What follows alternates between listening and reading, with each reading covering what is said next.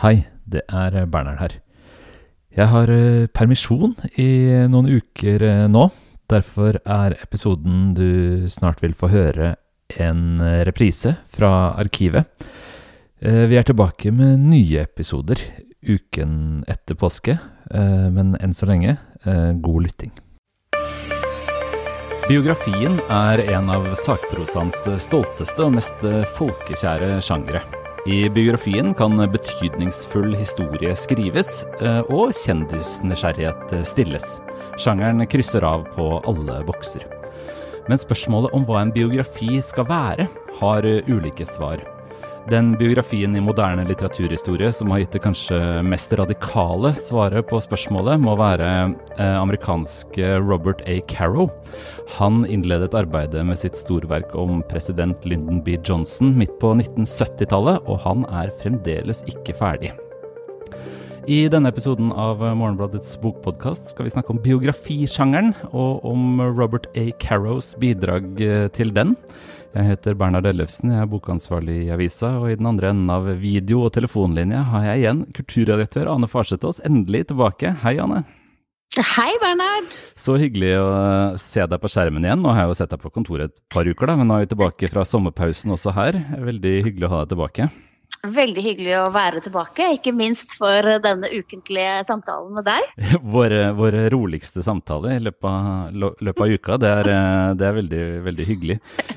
Ja, vi tenkte vi skulle begynne med en sjanger som vi vel kan si at interesserer oss begge ganske intenst. Biografisjangeren. Du har eh, skrevet mye om biografier i mange år, du? Det har jeg, eh, og det er jo litt artig at det interesserer oss så veldig, fordi det er i hvert fall da jeg var student og studerte litteraturvitenskap, så var biografi ganske så skittent. Ja, det var non grata. Helt non grata. Uff a meg. Mm. Nei, det var ikke bra. Det var noe som, eh, som veldig kommersielt orienterte eh, lesere og aviser holdt på med. Vi skulle holde på med teksten i seg selv. Eh, forfatteren var irrelevant, og biografien en litt sånn pinlig, pinlig naiv sjanger mm. som holdt på med dyne kvinneløfting og romantiske kunstnerportretter, og det var alt som vi syntes var uh, galt med offentligheten og med syn på forfatteren. Så sitte og lese tykke bøker om for lengst døde mennesker er vårt uh, farsopprør, altså? Det er jo uh, vi, vi, må ha, vi, må ha, villere farsopprør enn som så, men, men, det kan være ett av dem. Ja, det er ikke store opprøret. å gjøre som alle andre alltid har gjort. Mm. men det er noe spennende, syns jeg, å lese om mennesker og liv i forhold til hva de faktisk har produsert, og i forhold til den tida som folk virket i. Mm. Og så er det en spennende sjanger òg. Altså, det er jo nettopp dette her med å skrive om livet, og at sånn rent retorisk og litterært eh, også er spennende. Hvordan man gjør det, hvordan man kan gjøre det, alle fallgrubbene, alt som Alle mulighetene. Mm. Uh, ja, det, det, er jo litt sånn altså, Når du sier dette med at vi ikke skulle drive med biografi, så er vi jo liksom inne i litteraturen, og da er vi jo på forfatterbiografier. Og, mm. og det har vi jo begge interessert oss for. Men så har vi liksom da, altså, Og det er på en måte en måte å være interessert i litteraturhistorie på, eller en måte å lese bøker på, og også være interessert i forfatteren som har skrevet bøkene, da.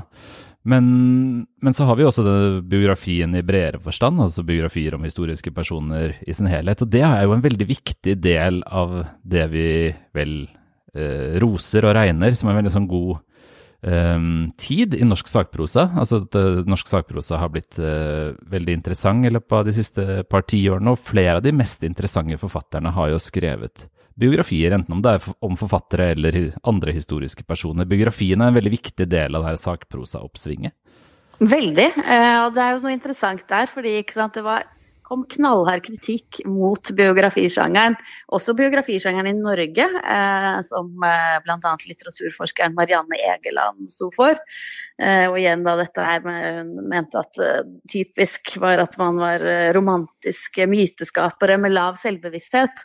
Mm. Eh, og sånn er det jo ikke lenger. Altså denne lave selvbevissthet, det naive forholdet eh, der man liksom bare skrev hyllende og begeistret om de store personer osv.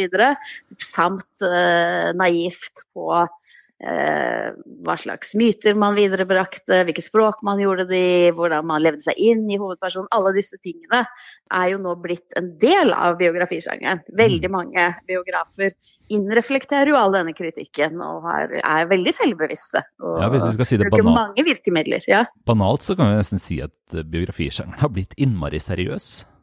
Innmari seriøse. ja. Nå er det liksom kilder, fotnoter, alt skal belegges. Eh, hvis man drister seg inn på å tenke potensielt hva de menneskene man skriver om kan ha tenkt, eller hva slags intensjoner eller motiver de kan ha hatt, så er det ofte nå at det er kildebelagt, at det blir diskutert, analysert.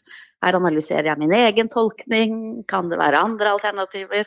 Så det er jo nesten litt sånn snudd på hodet, da. Eh, selvfølgelig fins det gammeldagse biografier fortsatt, men de beste eh, har nå et nesten motsatt. At det er så mye kildediskusjon at eh, man kan lure på om historien forsvinner av og til. Mhm.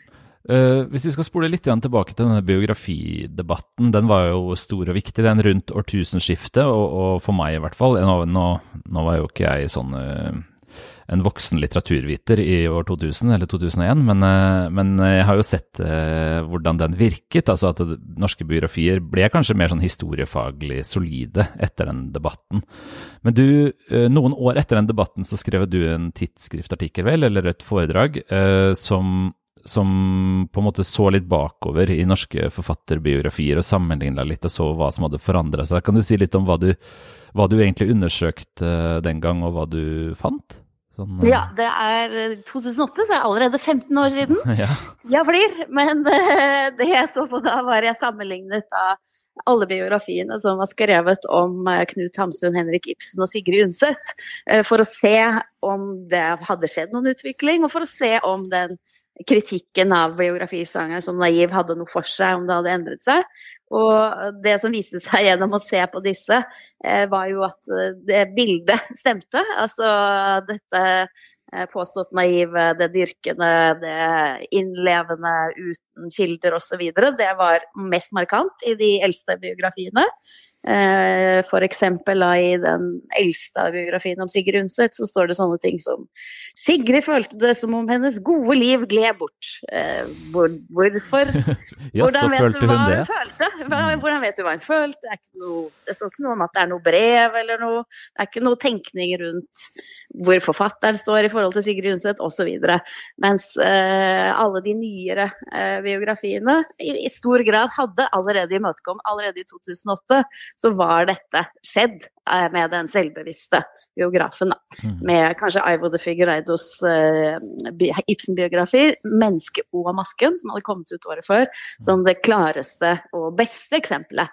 Sant? For der er det jo Mennesket er én ting, og masken en annen ting. Det er dette med at man også tenker ikke bare at biografen har et uh, syn på selve og personligheten som en forestilling, men at også hovedpersonene blir uh, dratt inn i et sånt syn. Da, at livet også er performativt, og at man skaper myter om seg selv. Eh, Ikke bare at mytene fins i kulturen. Så ja, det hadde skjedd mye allerede i 2008, og det er vel egentlig den samme utviklinga som har fortsatt innen biografisjangeren i Norge, tenker jeg. Ja, og det var jo en biograf som var historiker, eh, ikke litteraturkritiker eller journalist eller, eller litteraturforsker. Eh, så det bringer jo også et annet type perspektiv, faglig perspektiv til sjangeren. Og jeg tenker vel at Aiva de eh, forfatterskap er litt sånn anledning også nå til å diskutere biografisjangeren litt nøyere denne høsten, for han kom jo med første bind i sin store biografi om Edvard Munch senere i høst. Og det er vel en ny anledning til å, å, å tenke over disse store eh, biografiene. Um, Absolutt. Jeg er veldig spent på hva slags grep uh, Figueiredo kommer til å bruke det. I tillegg til at jeg syns det er spennende å lese om Munch, da. mm. Uh, men uh, det skal absolutt bli interessant å se. Og ser man til, til Sverige, så har man jo enda flere store forfatterbiografier som, som kommer hvert år. Um, og det, det syns jeg også er veldig interessant å følge. Det kommer en stor Gunnar Ekeløf-biografi i høst som vi helt sikkert kommer til å, å skrive om. Så vi skal, vi skal holde blikket litt på biografisjangeren utover høsten, tror jeg. Eh, Det skal vi. Men vi begynner nå med Ja, begynner å se nå. tilbake, eh, på en måte. Uh, altså, jeg har jo skrevet om en veldig stor biografi. Kjenner du liksom til den fra før? Lyndon B. Johnson-biografien til Robert Carrow. Den er jo litt legendarisk, selv når man ikke har lest et kvekk av den. Sant. Og jeg har ikke lest et kvekk av den. Selvfølgelig kjenner jeg likevel til den, nettopp fordi den er så myteomspunnet. Mm. Fordi her snakker vi jo om en forfatter som har brukt mesteparten av sitt liv og forfatterskap på å skrive én stor biografi om én mann, som mm. aldri blir ferdig. Som kommer i stadig nye bind, da. Men den er jo ikke ferdigstilt ennå. Og nå er mannen eh, Hvor gammel er han egentlig? 87 år. Så det Klokkene ringer for Carrow og for Johnson-prosjektet. Eh, det må man jo si. Ja, nei, det er jo et utrolig spesielt verk. Men du har tatt deg tid til å lese hele i sommer? Ja, og endelig. Jeg har lest litt, da. Jeg hadde lest et kvekk før. Jeg har lest her og der. Jeg var i USA eh, den uka det hittil seneste bindet kom. Og i de ja, hva blir det, de siste 15-20 åra av dette 50 år lange prosjektet, så har, um, har, det vært utdrag trykket i The New Yorker også um, underveis. Så jeg hadde liksom lest um, et viktig kapittel om, uh, da, om Kennedy, f.eks., som hadde stått i New Yorker, og jeg husker også leste så mye om verket da, da det kom for ti år siden i USA. Det var jo en slags feber. Det, det, er jo rett og slett utrolig mye lest, også disse bøkene. Han vinner alle de litterære prisene hver gang det kommer ut et bind. Um, det har legendestatus, og nå har det jo på en måte dukket litt uh, opp igjen i år, i og med at Robert Gottlieb, som er en av amerikansk forleggeris mest legendariske redaktører, og selvfølgelig da denne legendariske biografens redaktør, døde like før sommeren. Og en del har også sett en eh, ganske nylig dokumentarfilm som utkom som heter Turn Every Page, tror jeg. Det burde nå skulle ha notert tittelen, men eh, den kom i fjor, laget av Gottliebs eh, datter, og som handler om forholdet mellom Robert Gottlieb og Robert A. Carrow og deres livslange samarbeid, som er veldig ah, spesielt. Ah, ja, uh, ikke sant. Og jeg har hatt disse bøkene stående i hylla. De, de får jo nærmest hylleplata de står på til å svaie under seg. De er, de er utrolig tunge. Uh, uh, de har hatt det stående i bokhylla i ti år, og de har skult på meg. Nå tenkte jeg nå er det sommerferie, nå er det på tide. Jeg skal, jeg skal omsider få lest The Years of Lyndon Johnson fra første til siste side. Og det rakk jeg på to minutters margin. Ja. To minutters margin. søndag kveld for to uker siden, da, da jeg hadde to minutter igjen av min offisielle sommerferie, så venter jeg siste side i, i fjerde bind. Og det tok meg hele sommeren. Jeg har lest utrolig mye, og, og mange, altså mange timer. Og jeg klarte det akkurat. Men jeg hadde jo trodd jeg skulle klare det på halve ferien, og så lese noe annet. Men det, det, det er altså så omfangsrikt. Det, det, ja, det, er tilfredsstillende å bli ferdig med et sånt prosjekt, men eh, jeg har likevel følelsen av at du skulle ønske det var enda litt mer. Ja, for da det var over, så må jeg si at det var en dyp, dyp eh, sorg. Jeg skulle gjerne ha fortsatt mine daglige timer i, i liksom Robert Carrows eh, biograf, biografiske selskap. Det var, eh, det var liksom en, eh, en, rytme jeg kunne holdt gående veldig mye lenger. Uh, og hvorfor det, Bernhard? For jeg må oh. bare si, jeg syns det er spennende med mm. biografisjangeren. Jeg er ikke helt uinteressert i USA, men samtidig så er jeg ikke så interessert i eh, hvem som var president der på 1960-tallet, at jeg kunne tenkt meg at det skulle være spennende nok, for meg i hvert fall, mm. eh, å lese så mange sider om Lyndon B. Johnson. Ja, nei, altså det er mange måter å svare på det spørsmålet. Jeg kan prøve å begrense meg til noen, og vi kan begynne med den første, da, eh, som er et lite svar på hva en biografi skal være. Eh, fordi Carrow er nøye med å, å si hvorfor har jeg kalt denne biografien The Years of Lyndon Johnson. Eh, det er en bok som handler om denne perioden i amerikansk historie med Lyndon B. Johnson uh, som prisme. Uh, det betyr ikke at vi liksom At det er sånn at konteksten eksploderer, at Johnson forsvinner eller noe sånt noe. Vi er veldig, veldig tett på Johnson, men, men det handler Altså, det han vil fortelle oss, da, er hvordan den moderne formen for politisk makt Uh, som vi fortsatt ser i dag, eh, som er helt, uh, helt, den vi ser i dag, blir skapt. Hvordan den oppstår. den fantes ikke før Johnson, egentlig. men det er jo ikke Johnson alene som har skapt den, men han er liksom spydspissen. Da. Han er den som, han er det som skjer når en rekke historiske prosesser utspiller seg, og politisk makt uh, forandrer seg i moderniteten. Um, så det blir jo en bok om verden. Uh, det blir en bok om USAs historie, det blir en bok om Lyndon B. Johnson, selvfølgelig, men det blir jo også en bok som handler om vår moderne verden og hva politisk makt er i den. Så allerede fra starten av så er det hva skal jeg si det, den rammen satt. Du føler aldri at dette er noe lite, selv om det veldig Mm. ofte handler om små ting.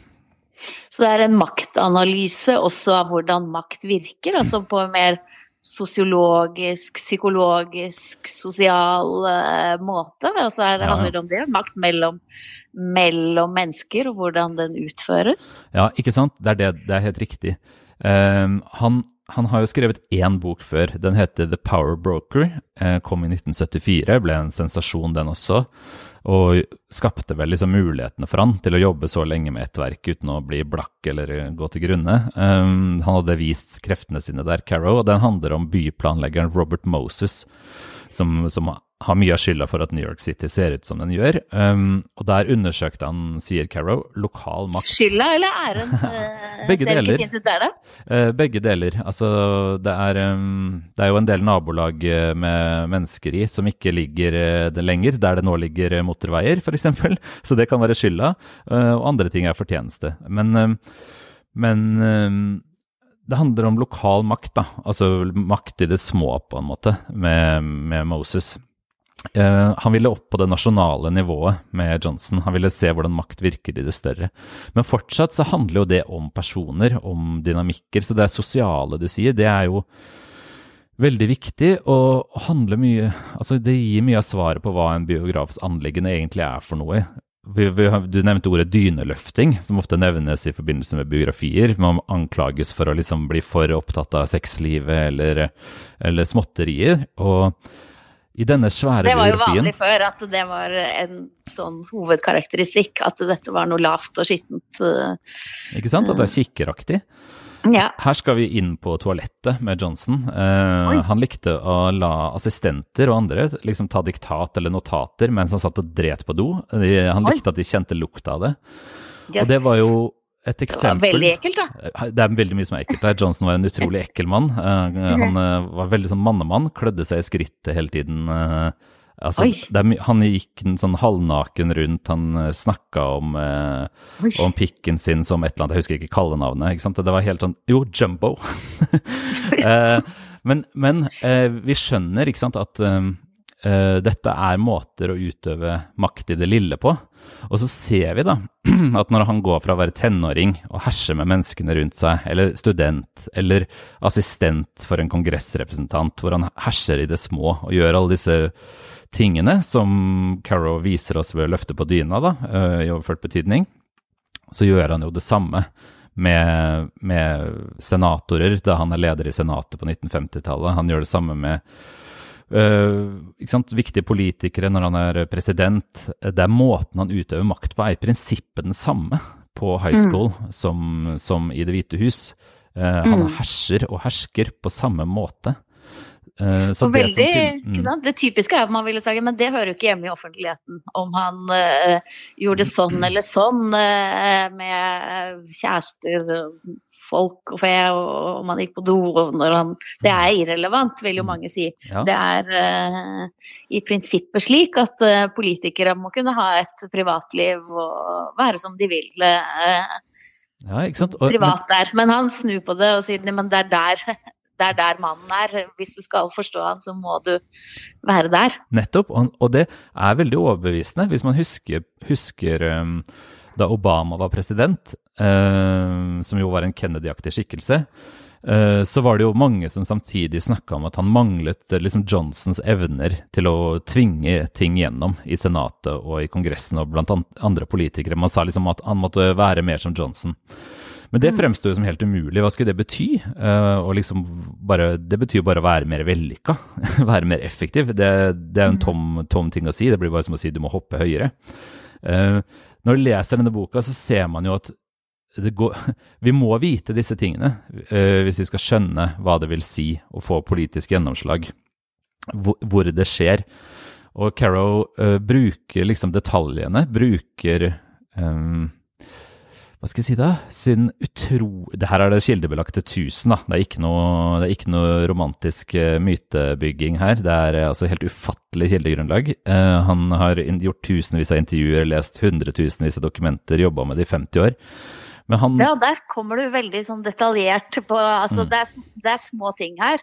Mm. Eh, det er huden på ansiktet hans er eh, også beskrevet. Eh, på rørende vis, mener du? Ja, altså det er helt vilt. Jeg kunne tatt mange eksempler, men et som jeg trekker frem i, i teksten i dagens avis, er jo at um, tidlig i det første bindet så kommer vi inn i et av disse øyeblikkene hvor han liksom åpenbart kjekker seg og, og er en, en, fyr som liksom fremstiller seg selv som en skikkelig mannemann. Og så korrigerer Carrow liksom forsiktig det bildet på dette tidspunktet da, i slutten av tenårene, med en parentes hvor han sier at um, han hadde litt sånn myk hud som var vanskelig å, å barbere, for den var så sart. Og så står det 'forteller barbereren'. Og så slår man opp i fotnotene, og der er barbereren nevnt ved navn. Og det viser seg jo at Carrow har intervjuet Johnsons barberer uh, på dette tidspunktet i hans liv. da han var bare en liten tenåringsgutt. Ikke sant. Uh, og det er ikke et sånt enkeltstående eksempel som jeg har trukket fram fordi det er mest spektakulært. Det er mm. sånn boka er. Mm.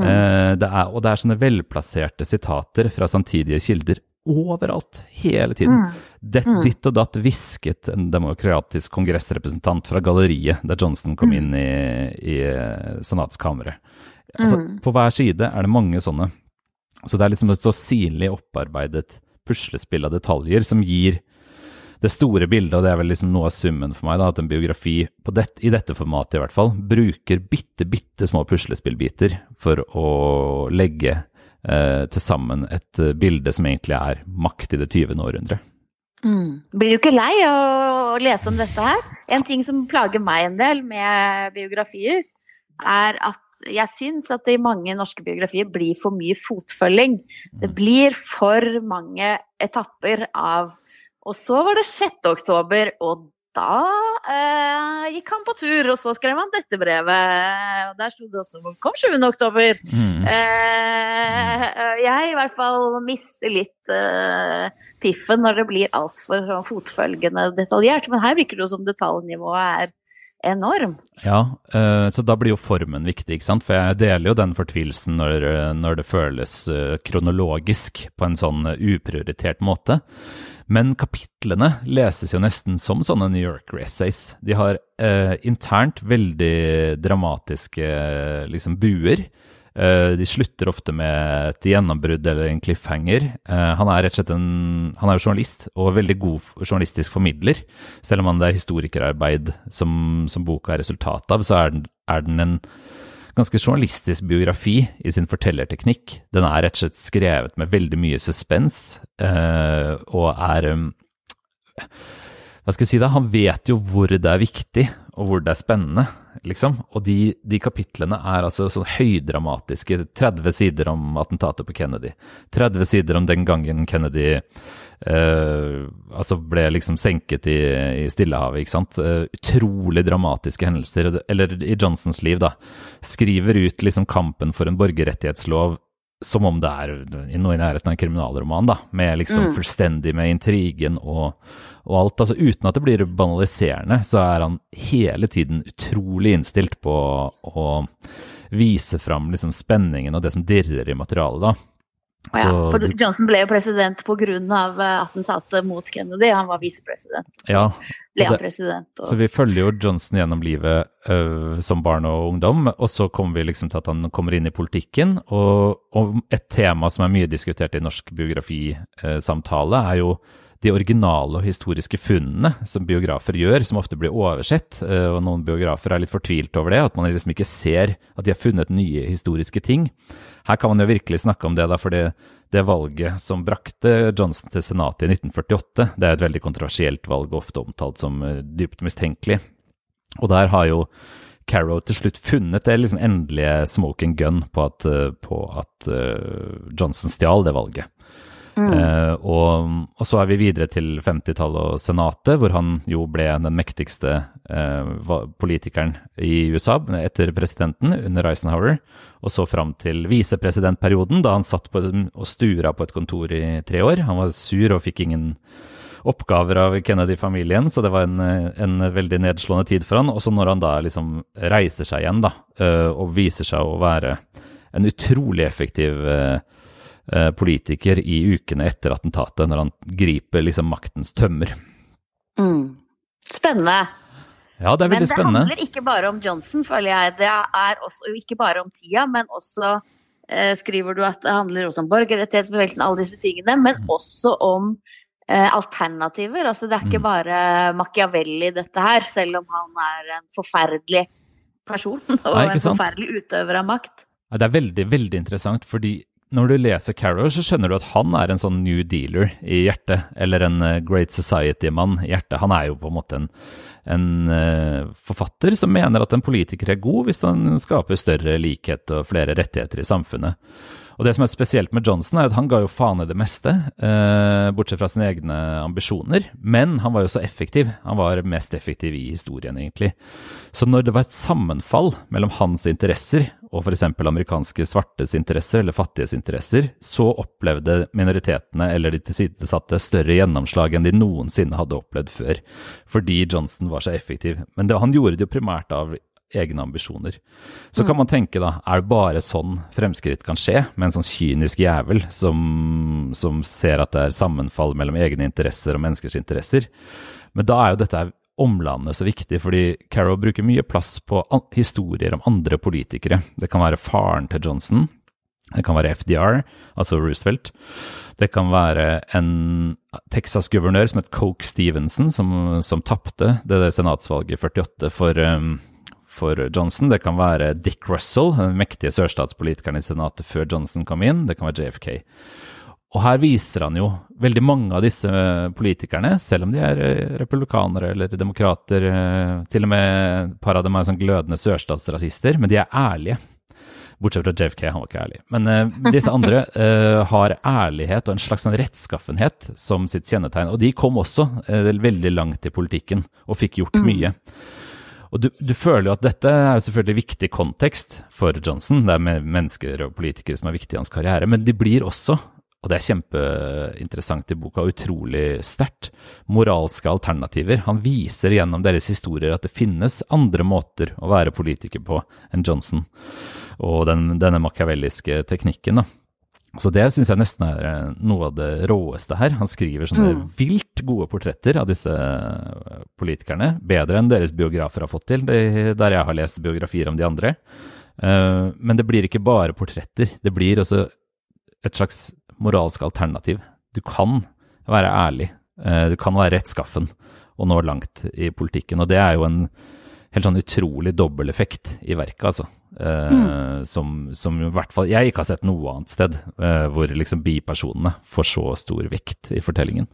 Mm.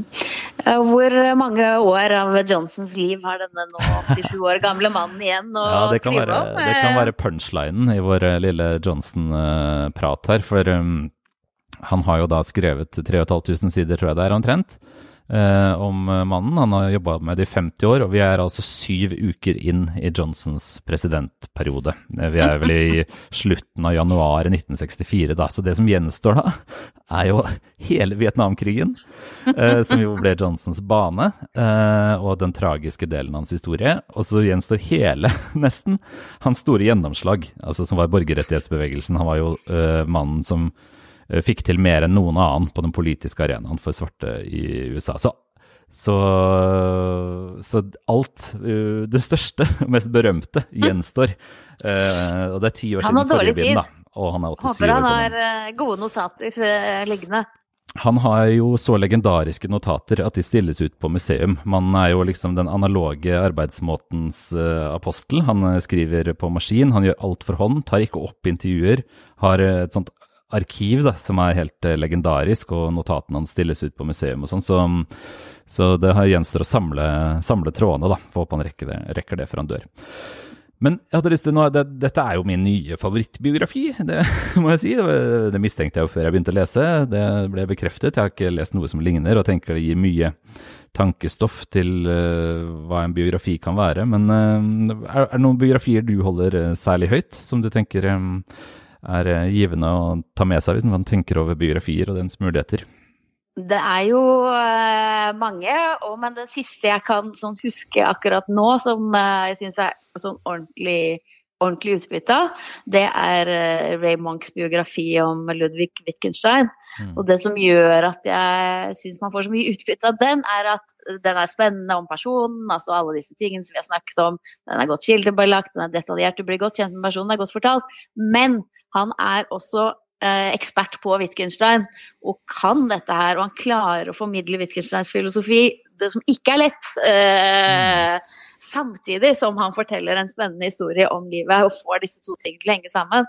Sånn at det føles som om man har lest Wittgenstein litt når man har uh, vært sammen med han, uh, men på en behagelig uh, og interessevekkende måte. Ja, og i et filosofisk forfatterskap hvor kanskje ikke det er sånn opplagt at biografi Uh, spiller en veldig stor rolle. Altså, det er kanskje mer overraskende. Det er veldig overraskende når man leser uh, Ray Monks biografi, at mm. det er to sider av samme sak. Og at uh, det er hele kjernen i filosofien hans. Mm. Ja, det har kommet mange interessante norske biografier de siste årene. Som, som nevnt så kommer det flere i høst. Anne-Kat. Vestli får også sin biografi i høst, f.eks.